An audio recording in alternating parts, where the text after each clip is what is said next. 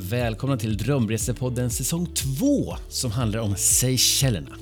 Jag heter Christian Muda och i det här avsnittet kommer ni få träffa Brita Kryg som är hotelldirektör på Mango House som var det första hotellet jag bodde på i Seychellerna. Ett helt otroligt fint hotell som ni kommer få alla detaljer om i det här avsnittet. Samt Britas bästa tips om hur man lägger upp en semester på Seychellerna. Och det handlar inte bara om att bo på Mango House utan hon tycker man ska bo på andra ställen också och se sig om och verkligen utforska eh, ön. Vilka utflykter tycker hon är bäst och mycket mer. Det kommer hon ge tips om i det här avsnittet. Vill ni läsa mer om Mango House finns mitt reportage från Mat och resebloggen länkat i det här avsnittet.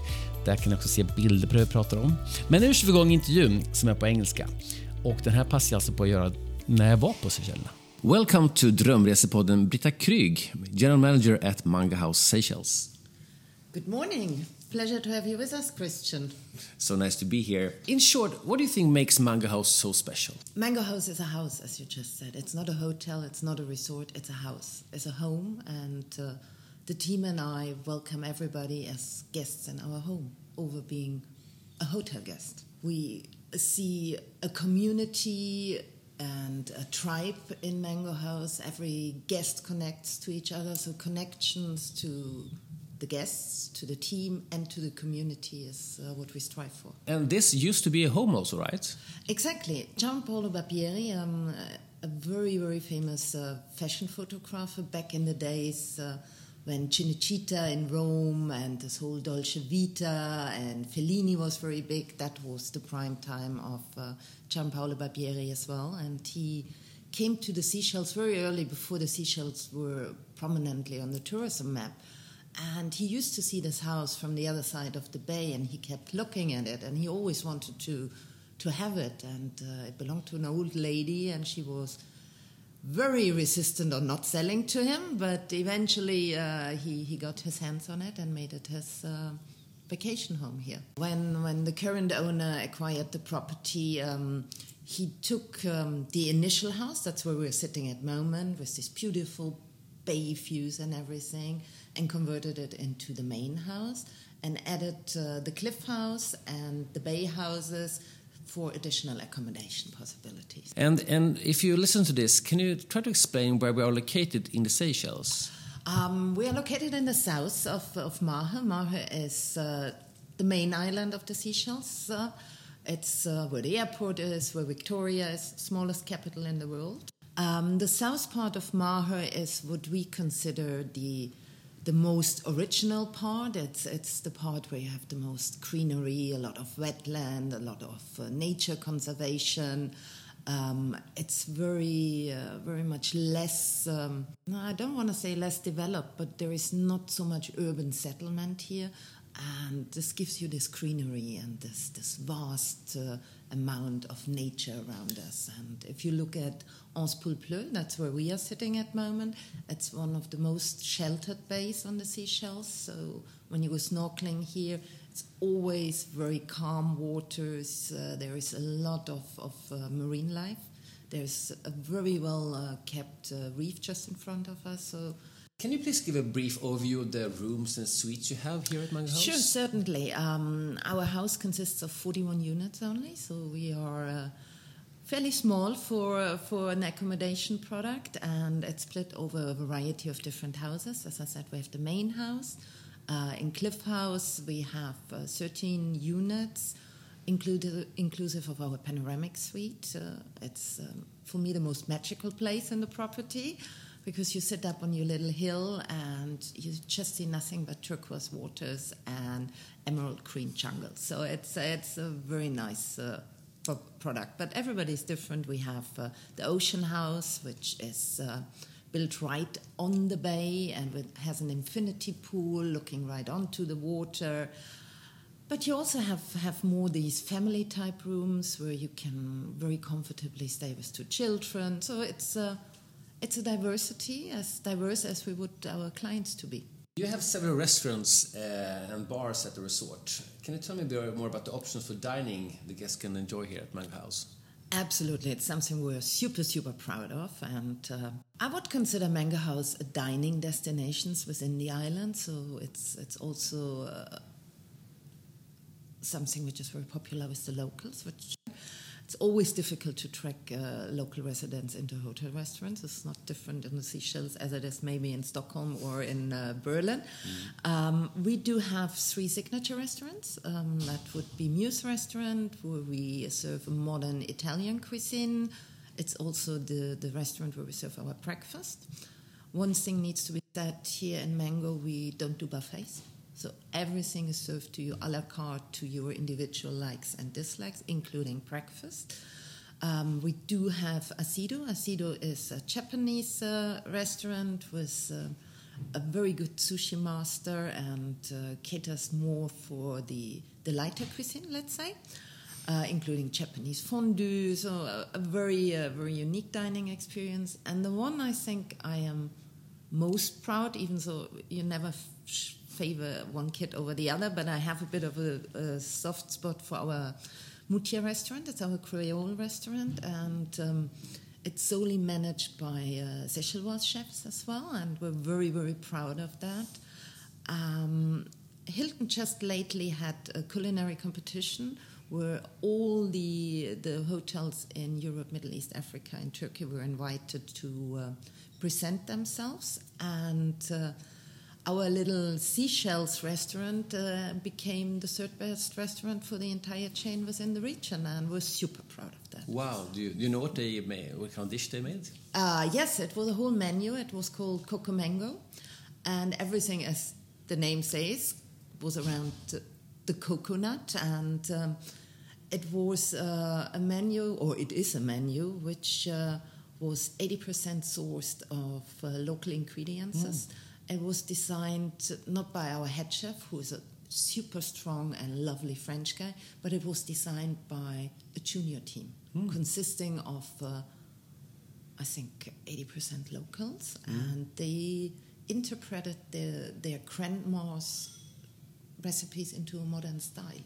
Wow. And it was just amazing. It still gives me goosebumps. To, uh, it was so nice to see the team uh, winning, and um, yeah, and can you have that menu in the Certainly, certainly. We're, we're happy to have uh, the guests try it. You also have wellness and spa here at the Mango House. Absolutely. It's our Ampus Spa. It means peace in, uh, in Creole. Um, again, here, and this is something which we try all over property, but uh, in the spa, we, we steered away of choosing a big international brand. We work with a local uh, company which is called Beliche and all the products are produced on the islands with ingredients which can be found on the islands. So it's a very special uh, special feature which you wouldn't find anywhere else in the world. And treatments? What kind of treatments can you find? Uh, well, uh, there is the the the Seychelloise massage, but there are also let's call it a bit Balinese inspired massage treatments where they again a bit similar to the food and beverage theme. Um, they they took what the Balinese do, but they interpreted it with a Creole uh, approach to to wellness, and um, they focus a lot on. Uh, on the skin because now being in the sun your skin of course is is, is uh, exposed to um, to it and all our treatments are uh, designed to nourish your skin to ensure that uh, the sun doesn't leave any damage. Yeah, I took a massage the other day, mm. and you could choose your own oil. There were like Absolutely. five different oils to choose from. I never Absolutely. had experienced that before. Absolutely, mm. and again, all of them made here locally, mm. and uh, we are just in process with the same company to design um,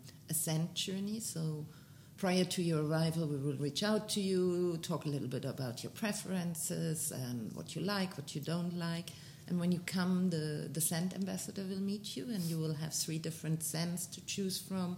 And those are the scents which will be put in your room, and then also what you can take home to have a little memory of Mango House. Oh, wow. Yeah. And if you're more active, um, what kind of water sports and activities can you do here at Mango House? Well, I talked about the snorkeling already, and we have a marine uh, conservation on site with us. And uh, a wonderful lady, Frances. She takes the guests for snorkeling in the morning and in the afternoon and shows them a bit of the marine life. And you definitely can see anything from octopuses to turtles. And if it's the right season of the year, You even can sit on your balcony and watch the dolphins. Um, there is kayaking, there is stand up paddling, um, there's hiking. Being in the middle of this green jungle scenery, there's a lot of hikes you can do around here. And if you want to do something else than staying at the hotel, what kind of excursions on the island are most popular amongst the guests? Well, you have the classics.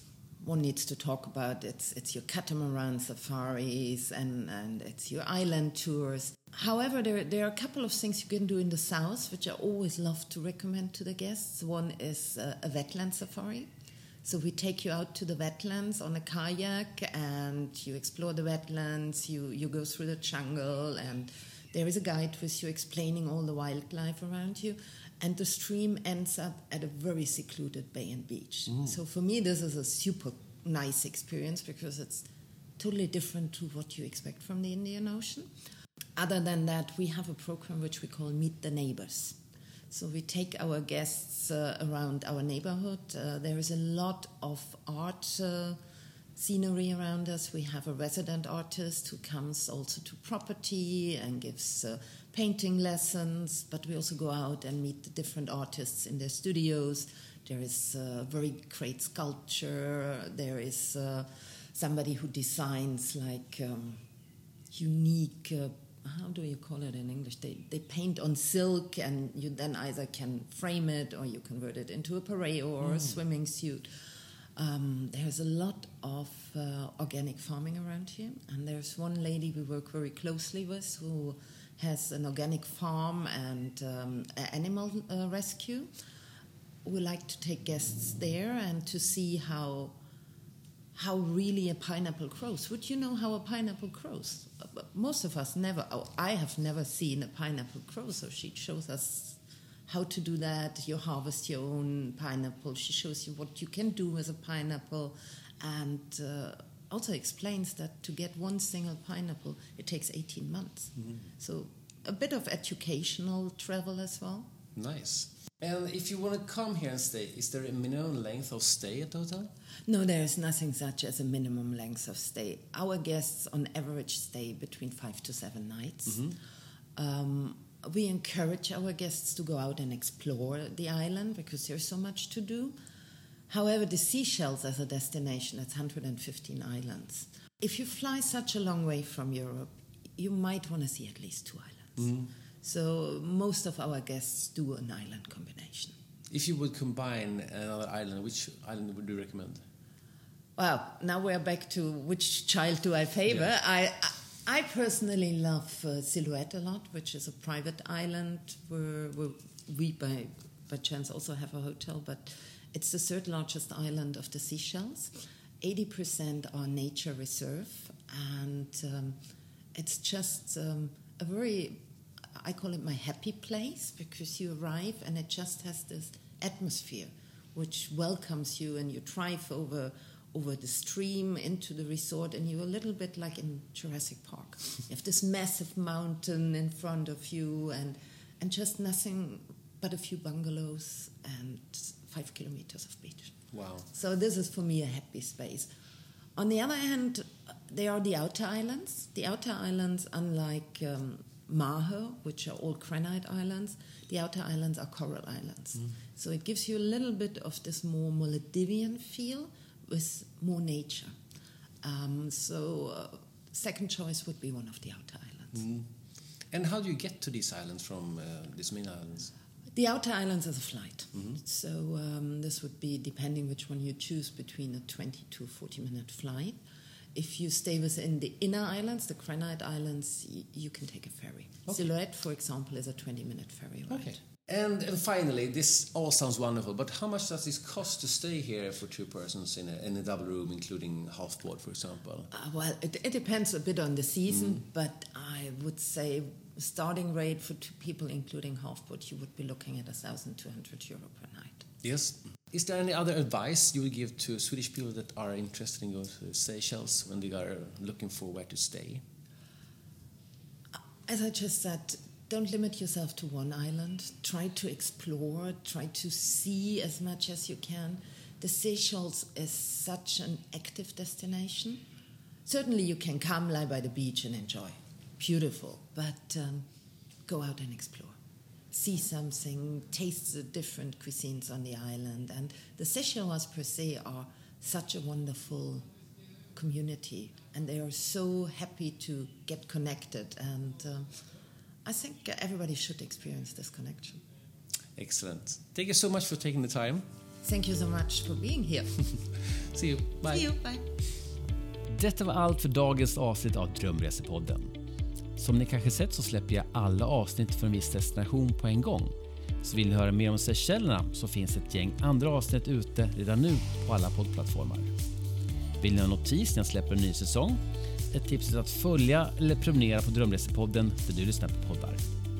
Dessutom finns hela säsong 1 av Drömresepodden och Maldiverna ute sedan tidigare. Med andra ord, massor med inspiration för er som ska planera drömresan. Och vill du läsa eller kolla på bilder istället för att lyssna så finns det reportage om både Maldiverna och Seychellerna på mat och resebloggen som jag också driver. En av Sveriges mest lästa resebloggar med fokus på lite mer exklusiva resmål, restauranger och aktiviteter på resan som skidåkning, dykning och vandring. Lycka till med planeringen av just din drömresa!